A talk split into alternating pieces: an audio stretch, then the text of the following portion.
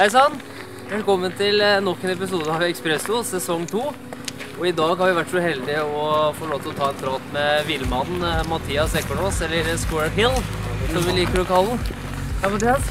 Halla. Takk for at du vil ta en prat med oss. Ja, det er ingen problem. Takk for sist. Ja.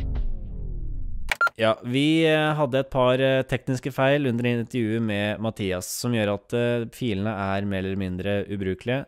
Men vi håper at Mathias er med oss på et nytt intervju i løpet av sesong tre, for jeg tror mange kan lære hans arbeidsmoral, struktur og det å følge drømmene sine. For å ta et lite sammendrag av sesong to av Expresso, så har vi pratet med seks fantastiske forbilder, mener vi. I episode én møtte vi artisten Sondre, som pratet om det å se på seg selv som en merkevare og kreativitet gjennom struktur. Carl Munthe Kaas snakket om det å tenke stort fra dag én, hvor en av de viktigste egenskapene du kan ha som gründer, er å få med de riktige menneskene. Og hva er egentlig det verste som kan skje? Neira fortalte oss om hvordan hun ser på risiko, og at vi altfor ofte er redd for hva andre syntes om det vi sier og gjør. Robert Holand, hotelldirektør for Claron Hotell, tok oss gjennom sin erfaring som leder og demonstrerte at kultur er noe som bygges hver dag, bevisst eller ubevisst, og at det skal så lite til for å få mennesker rundt seg til å prestere og føle seg sett.